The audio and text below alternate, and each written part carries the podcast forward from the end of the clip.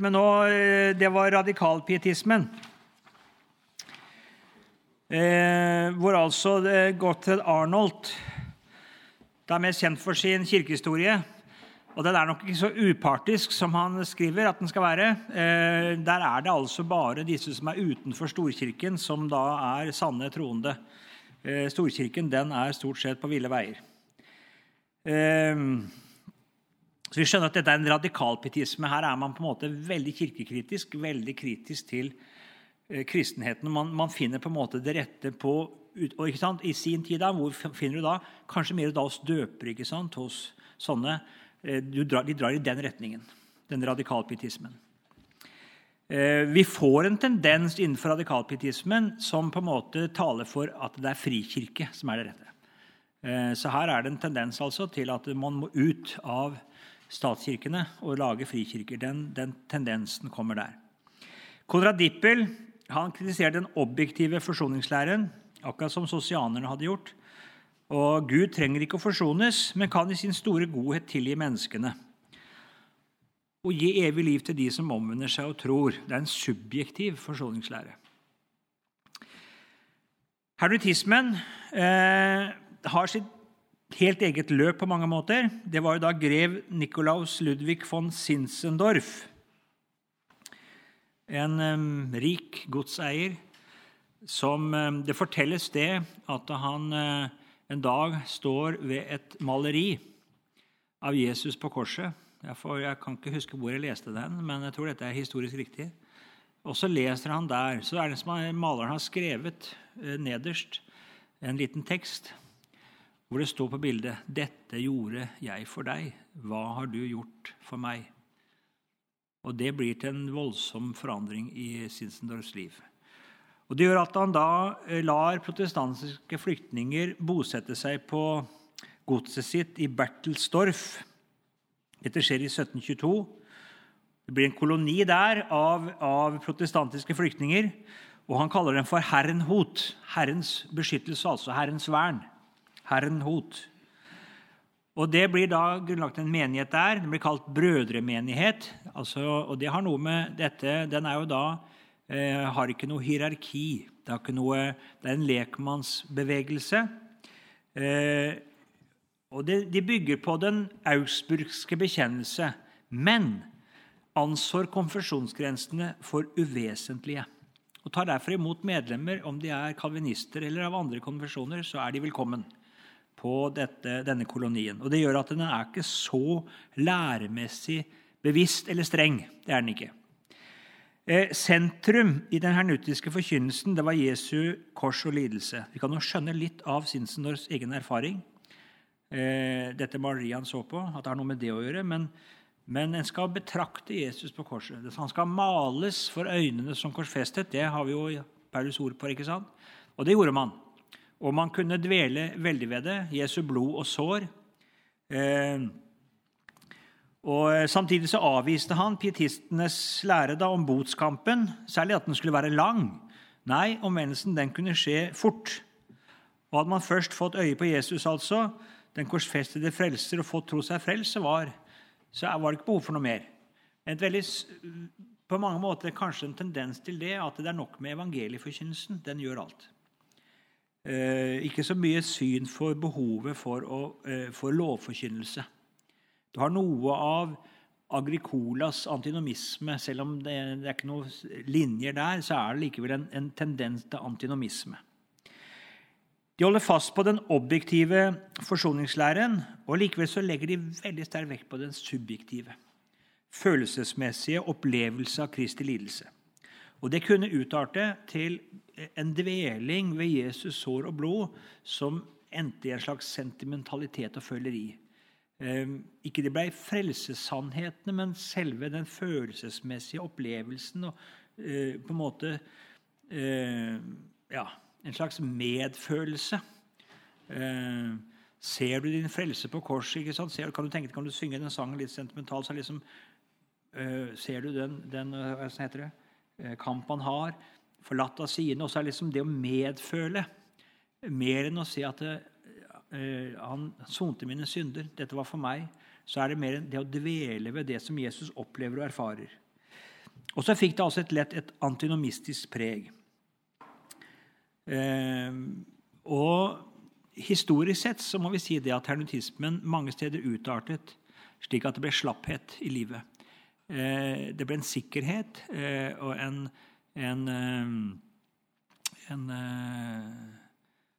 en del steder. Nå vil jeg si at Vi har noen fantastiske hernutiske både prester og, og misjonærer som virkelig levde godt med Jesus. altså. Men du, du får enkelte steder en sånn antinomistisk tendens som sklir ut. Det gjør du. Både ortodokse og konservative pietister stilte seg avvisende til hernutismen. Vi skal se litt på det, hvordan dette kom til Danmark-Norge. I Danmark-Norge stilte kong Fredrik 4 seg positiv til pietismen.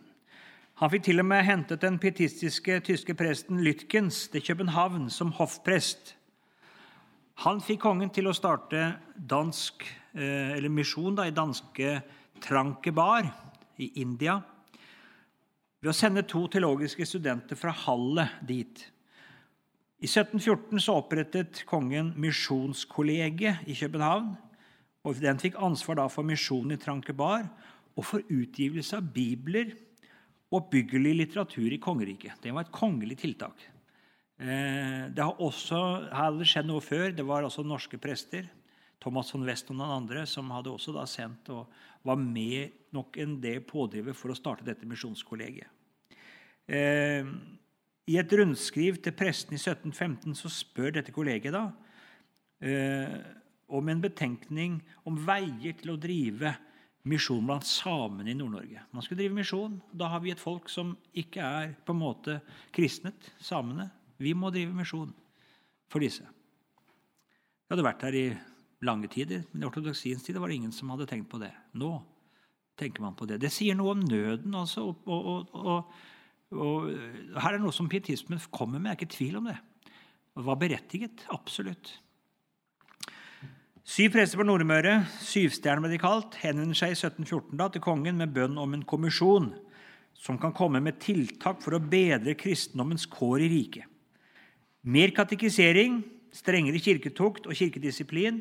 Prestene må i sin utdannelse også prøves med henhold til sant kristelig liv, samt få en praktisk teologisk innføring.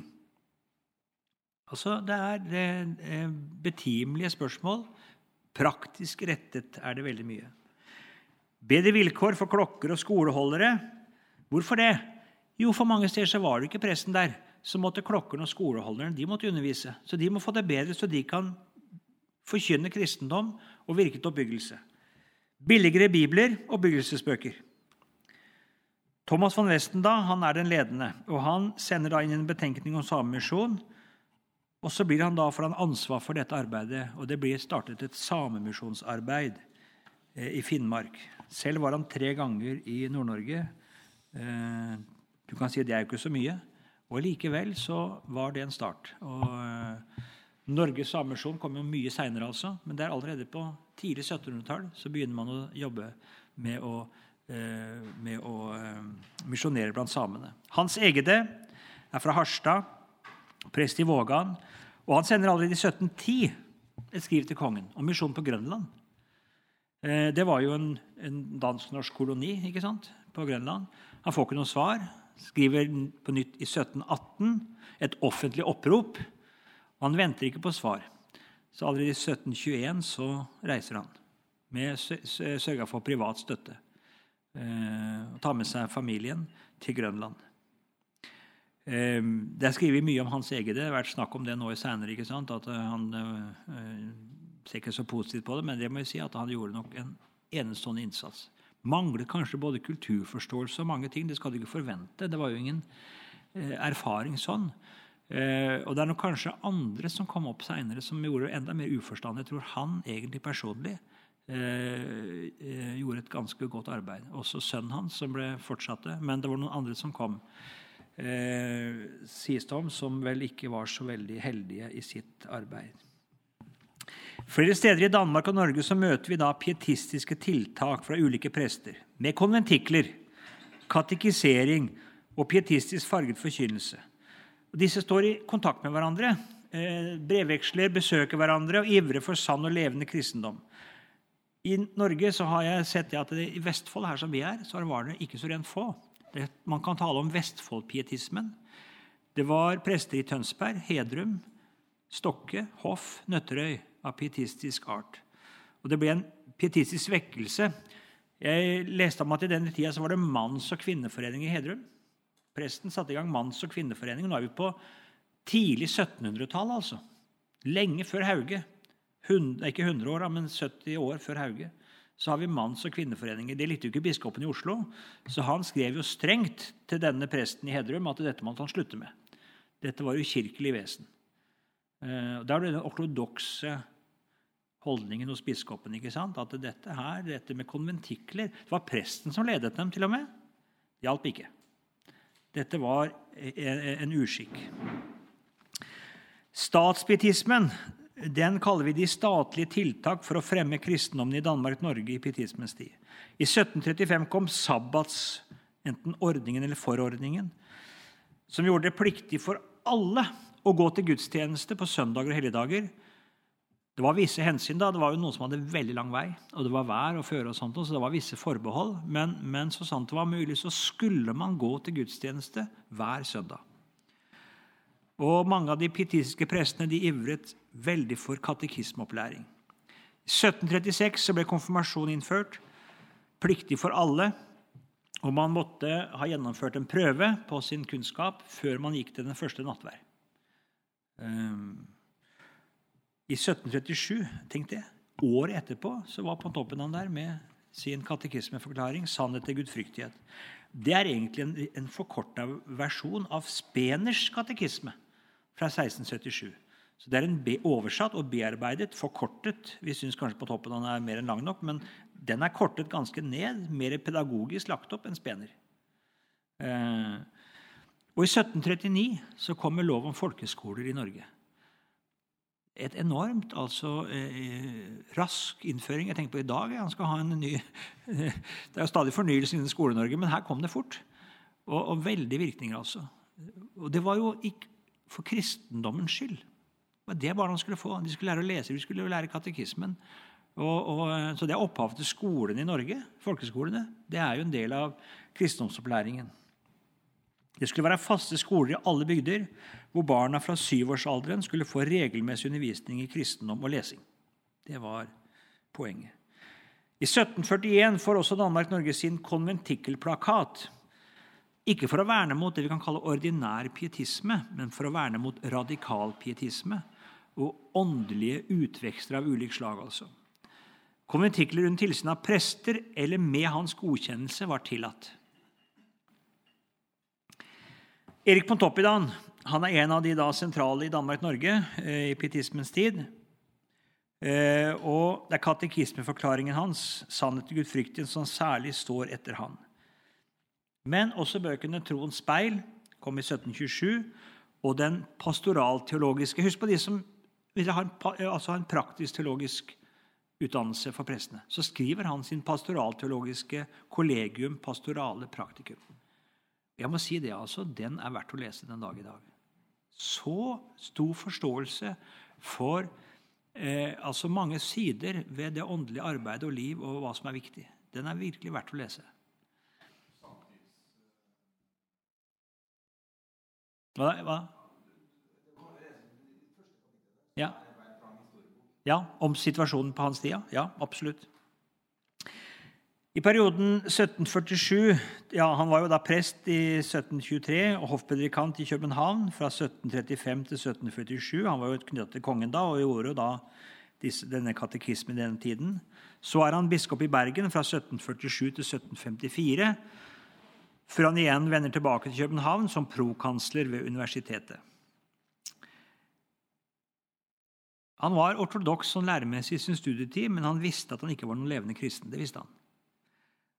Og Gjennom reiser og lesning kom han under mer pietistisk innflytelse og kom igjennom til levende tro. Og Han ble tro mot sin pietistiske grunnholdning hele livet. Men vi merker i enkelte av hans senere skrifter en viss han, han, var oppdatert på de nyere filosofiske strømninger. Han skrev en bok som heter Menotza. Og den er merkelig. Der er det som han er åpen for ganske mye andre tanker. Eh, noe av opplysningstidens og kanskje deismens tanker også har gjort et visst innslag. Søderlund tar utgangspunkt i Pontoppidans troens speil når han skal beskrive pietismens tale om frelsesvisshet. Og igjen syns jeg han er noe, noe tendensiøs med Søderlund. Eh, Pontoppidan har i denne boka et langt sitat av Løscher, det ortodokse Wittenberg-universitetets sterkeste kritiker av pietismen. Eh, når han innledningsvis skal beskrive den frelsende troens vesen. Så altså, eh, han siterer altså en som er aller mest kritisk til pietismen, altså en virkelig ortodoks. Og Da skjønner du at Pontoppidan han vil på ingen måte, på en måte være i strid med det ortodokse Wittenberg-universitetet. Han oppfatter seg helt i tråd og siterer altså denne Lusher med tilslutning. Han skal tale om hva troens vesen er. Det som lå på Toppidan som pietismen generelt på hjertet, det var å vekke de sovende og sikre. Føre hyklere ut av selvbedrag og samtidig trøste de troende.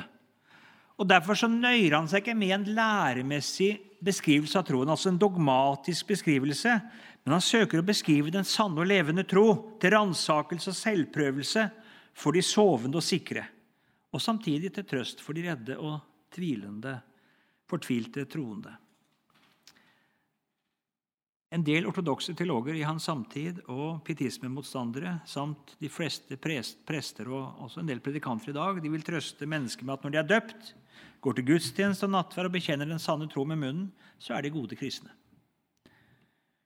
Og har ingen forståelse for hjertets ransakelse og ser på det som et pietistisk, lovisk eh, prosjekt.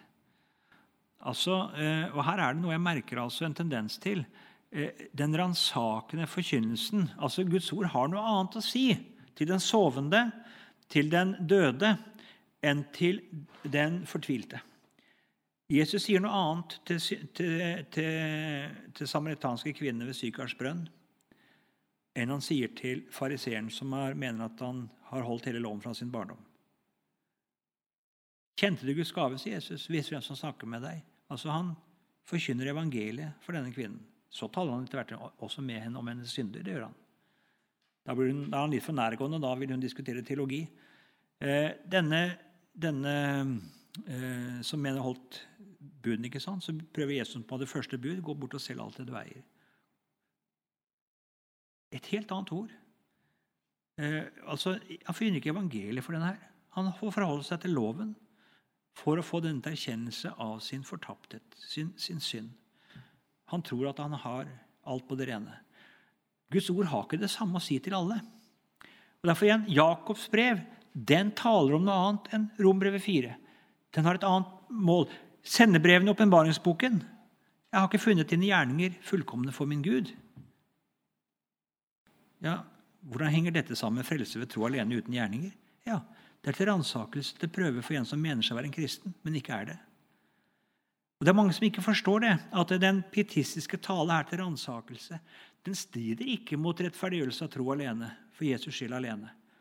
Men den er for å vekke den sovende. Og Da må du tale på en annen måte. Eh, og Forstår man ikke det, så, så bommer man altså. Og det mener jeg nok her at eh, Søderlund til en viss grad gjør.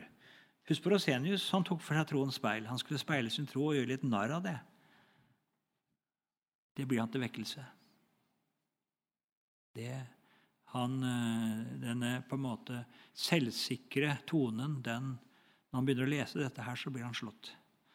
Og det blir han til åndelig avklaring og hjelp. Så, så eh, vi skal være litt varsomme. Det er sider her i pietismens forkynnelse som vi ikke så lett skal avvise. Visst er det tendenser. Absolutt. Jeg har lest altfor mye av en del av denne pietismens litteratur som jeg ikke vil anbefale. Den er ikke frigjørende. Den er ikke klar.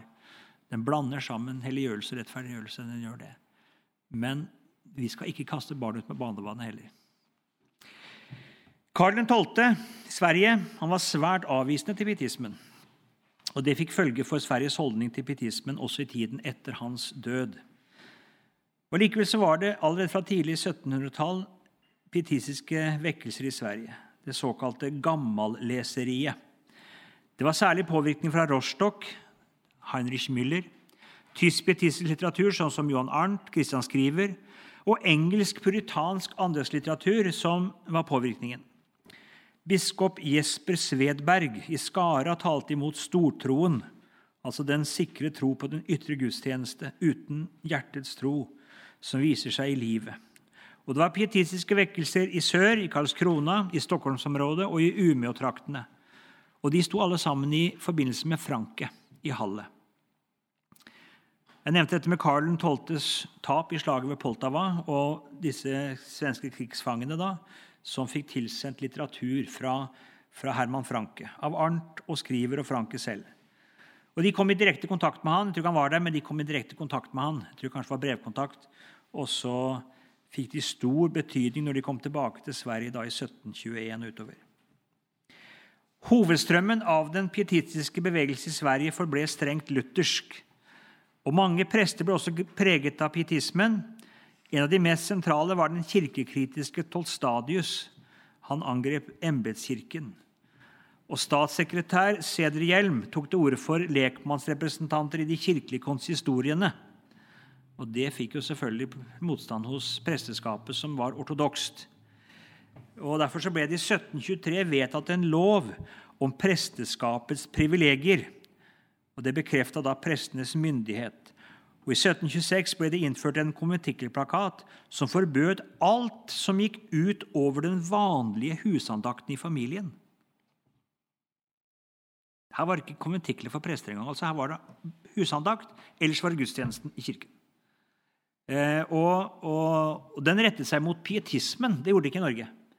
Eh, den, Norges rettet seg mot kan du si, å skulle hindre den radikale pietismen. Mens tradisjonell pietisme, som prestene hadde med konventikler, var greit. Men i Sverige gikk man mye lengre. Der var det mye strengere. Husandakt var greit, men ikke, ikke en konventikkel utenom gudstjenesten. Selv ikke om presten deltok. Og Det var altså en, en voldsom eh, undertrykkelse av det kristelige lekmannsarbeidet. Det førte til at deler av den pietistiske bevegelse ble enda mer kirkekritisk og drev dem i frikirkelig retning. Eh, så vi kan si at i Sverige så fikk du en, en, en frikirkelig på en måte en tendens, og resten forble veldig kirketro. Det var ikke mye av den samme lekmannsbevegelse i Sverige som var i Norge. Eh, enten er det frikirke, eller så er man, er man i kirken. Eh, det er noe av dette som skjedde da på tidlig 1700-tall, som er årsak til det. Fra midten av 1700-tallet merkes det en hernhuttisk tendens. Det kom besøkende fra Hernhut til Sverige. Sinsendorf var personlig i Sverige i 1735. Og først i 1740 da, så kom det til hernhutiske vekkelser. Det var for mange en frigjørelse å løse dem fra det mer pietistiske saliggjørelsens orden og få høre da den hernhutiske forkynnelse. Som sagt, den hadde også her en tendens til å kunne gli over i føleri og antinomisme. I Stockholm, Vestre Götaland, Senere i Skåne så var det hernutismen eh, ble sentral. Andre steder så hadde den et mer pietistisk preg, særlig i nord. Anders Carl Ruststrøm, Rutstrøm han er sentral når det gjelder hernutismen i Sverige. Han ble doktor i teologi i Greifswald i 1756 og vendte tilbake til Sverige som prest i Stockholm i 1758. Det var en sterkt hernuttisk farget forkynnelse, og han hadde mange tilhørere. Så hadde han en kapellan som het Murbekk, som var gammelpietist. Så her talte de mot hverandre, altså. Eh, og det måtte vært interessant å høre. Eh, så eh, jeg vil si det om Rutstrøm, selv om han var altså regnet for å være kanskje hyperevangelisk. Så hvis du leser noe av det han har skrevet Han var bl.a. også fengselsprest. Han hadde virkelig syn og forståelse for nødvendigheten av en sann synserkjennelse om omvendelse. Han hadde det. Så, så han var ikke eh, åndelig blind. Det var han ikke. På ingen måte. Han ga ut en egen sangbok, Sions nye sanger, eller Rutstrøms sanger. Og Her ser man tydelig den hernhuttiske blods- og sårmystikken. Han tok også til orde for det vi kaller allmennrettferdiggjørelse. Dvs. Si at verden i kraft av Jesu forsoning er rettferdiggjort før den enkelte kommer til troen. Vi kjenner setningen, ikke sant? Vær den i Jesus rettferdige er vorden. Det var i Rutstrøms ånd. Og Slik ville han hindre den pietistisk-loviske selvprøven, som han mente bare hørte altså var en lovisk selvprøve. Troen er bare at mennesket får opp øynene og ser det som allerede er en realitet, nemlig at mennesket har syndenes forlatelse, er rettferdig, salig og Jesu brud i kraft av forsoningen. Rutschums sanger kom til å spille en ganske stor rolle i den rosinianske vekkelsen. Og i de første numrene av pietismen så tar eh, Rosenius og skriver og henter inn mye fra Rutstrøm. Så, så, han var en, en, sentral person i den vekkelsen. Selv om ikke Rosenius følger han. Det gjør han ikke fullt ut. det gjør han ikke. Men jeg har si at det er, det er eh, mye sant og bibelsk i det som Rutstrøm kommer med, selv om er han er tendensiøs. Det er han. Eh, Hedberg i Finland følger Rudstrøm mye mer eh, enn det Rosenius gjør, og han kritiserer jo Rosenius for ikke å følge Rudstrøm langt nok.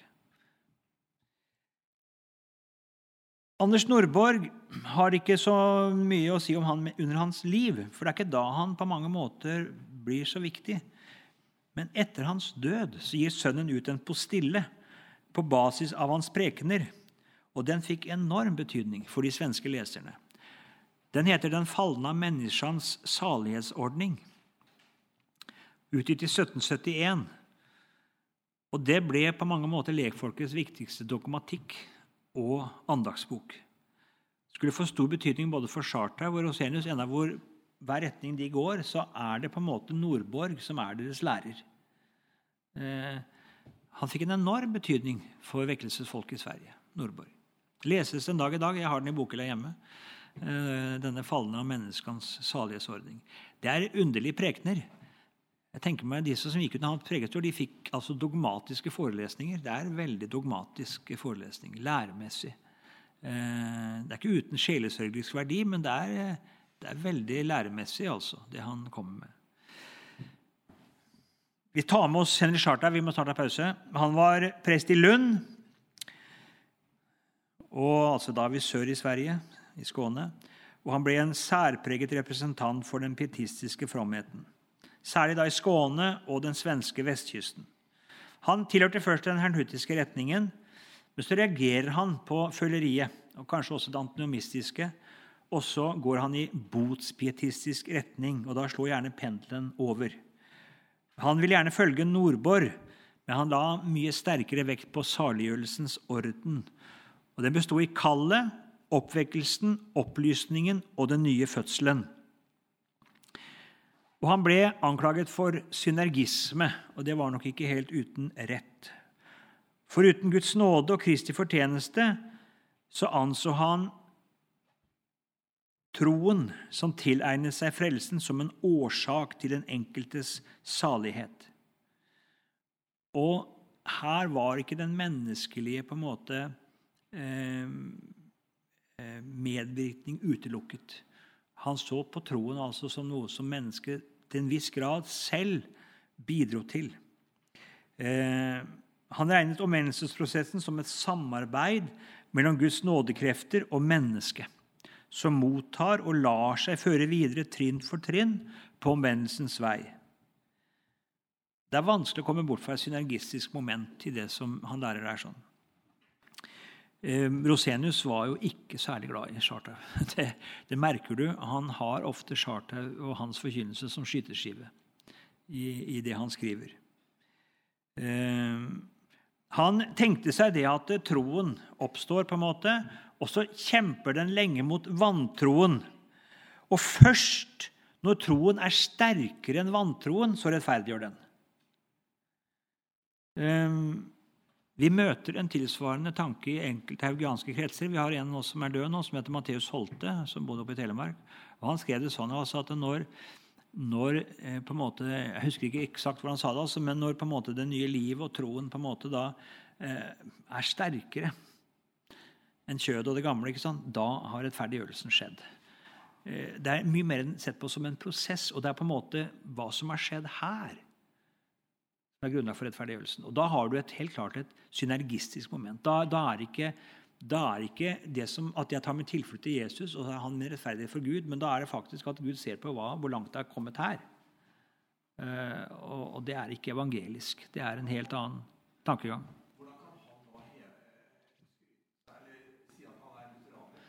Meg og Luther, sier han. Vi sier, Det sa jo Mathias Holte. Uh, han var jo veldig totalt Luther til inntekt uh, for det han sa. Men det, det, er mange som har gjort det, og som ikke gjør det med rette. Ja.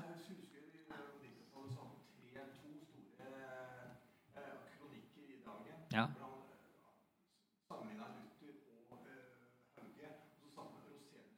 Ja, ja, ja. Det er Nei, nei. Nei, altså er, og, her er det også, Rent historisk så har det nok vært en viss kontakt seinere mellom haugianske kretser eh, og chartavanske kretser. har det vært en viss kontakt. Eh, vi skal ikke gå inn på det. Eh, han var også veldig opptatt av, av presteembetet. Hadde ingen syns for konventikler. Det var et uvesen. Og Det særpreger vestkysten av Sverige den dagen det er presteskapet der. Der er på en måte lekmannsforkynnelse. og, og det, det er, rett og slett ukristelig. Det er helt ubibelsk. Det har ingen berettigelse. Det har preget veldig mye vestkyst, eh, Det er en kirkekristendom der. Embetskristendom. Mot slutten av 1700-tallet så møter vi utløpere av både gammelpietistisk og hernuttisk pregede vekkelser i Sverige. Altså radikalpietistiske retninger preget av mystisisme, tendenser til separatisme osv. Så det er en del sånne grupperinger. Eh, i, ellers så er det da eh, I kirkelig, mer konservative kretser så leser man Luther, Arnt, Skriver, Pontoppidan og Nordborg. Og I sør så er det mer hernhuttisk pregede retninger. Omkring 1800 er det imidlertid nesten ingen egentlig vekkelse i Sverige. Det har stivna til i former både her og der. Og så tar da i 1802 nyleseriet til i Piteå. Det bryter ut vekkelse der, og da blir det et brudd med gammelleseriet. Det kalles nyleseriet. Man syns ikke Arnt og mange andre bøker er bare Luther egentlig som holder mål. Eh, de andre holder ikke mål. Nordborg er man også fornøyd med. Og så leser man det. Særlig Luther. Derfor kan det også kalles for Lutherleseriet. Eh, og det blir en ny vekkelse der sånn, i Nordbotten og Vesterbotten. Og det er på en måte den åndelige bakgrunnen som Rosenius vokser opp i. Det vi kaller for nyleseri. Det skal vi komme tilbake til en senere time. Da gir vi oss. tar vi ti minutter.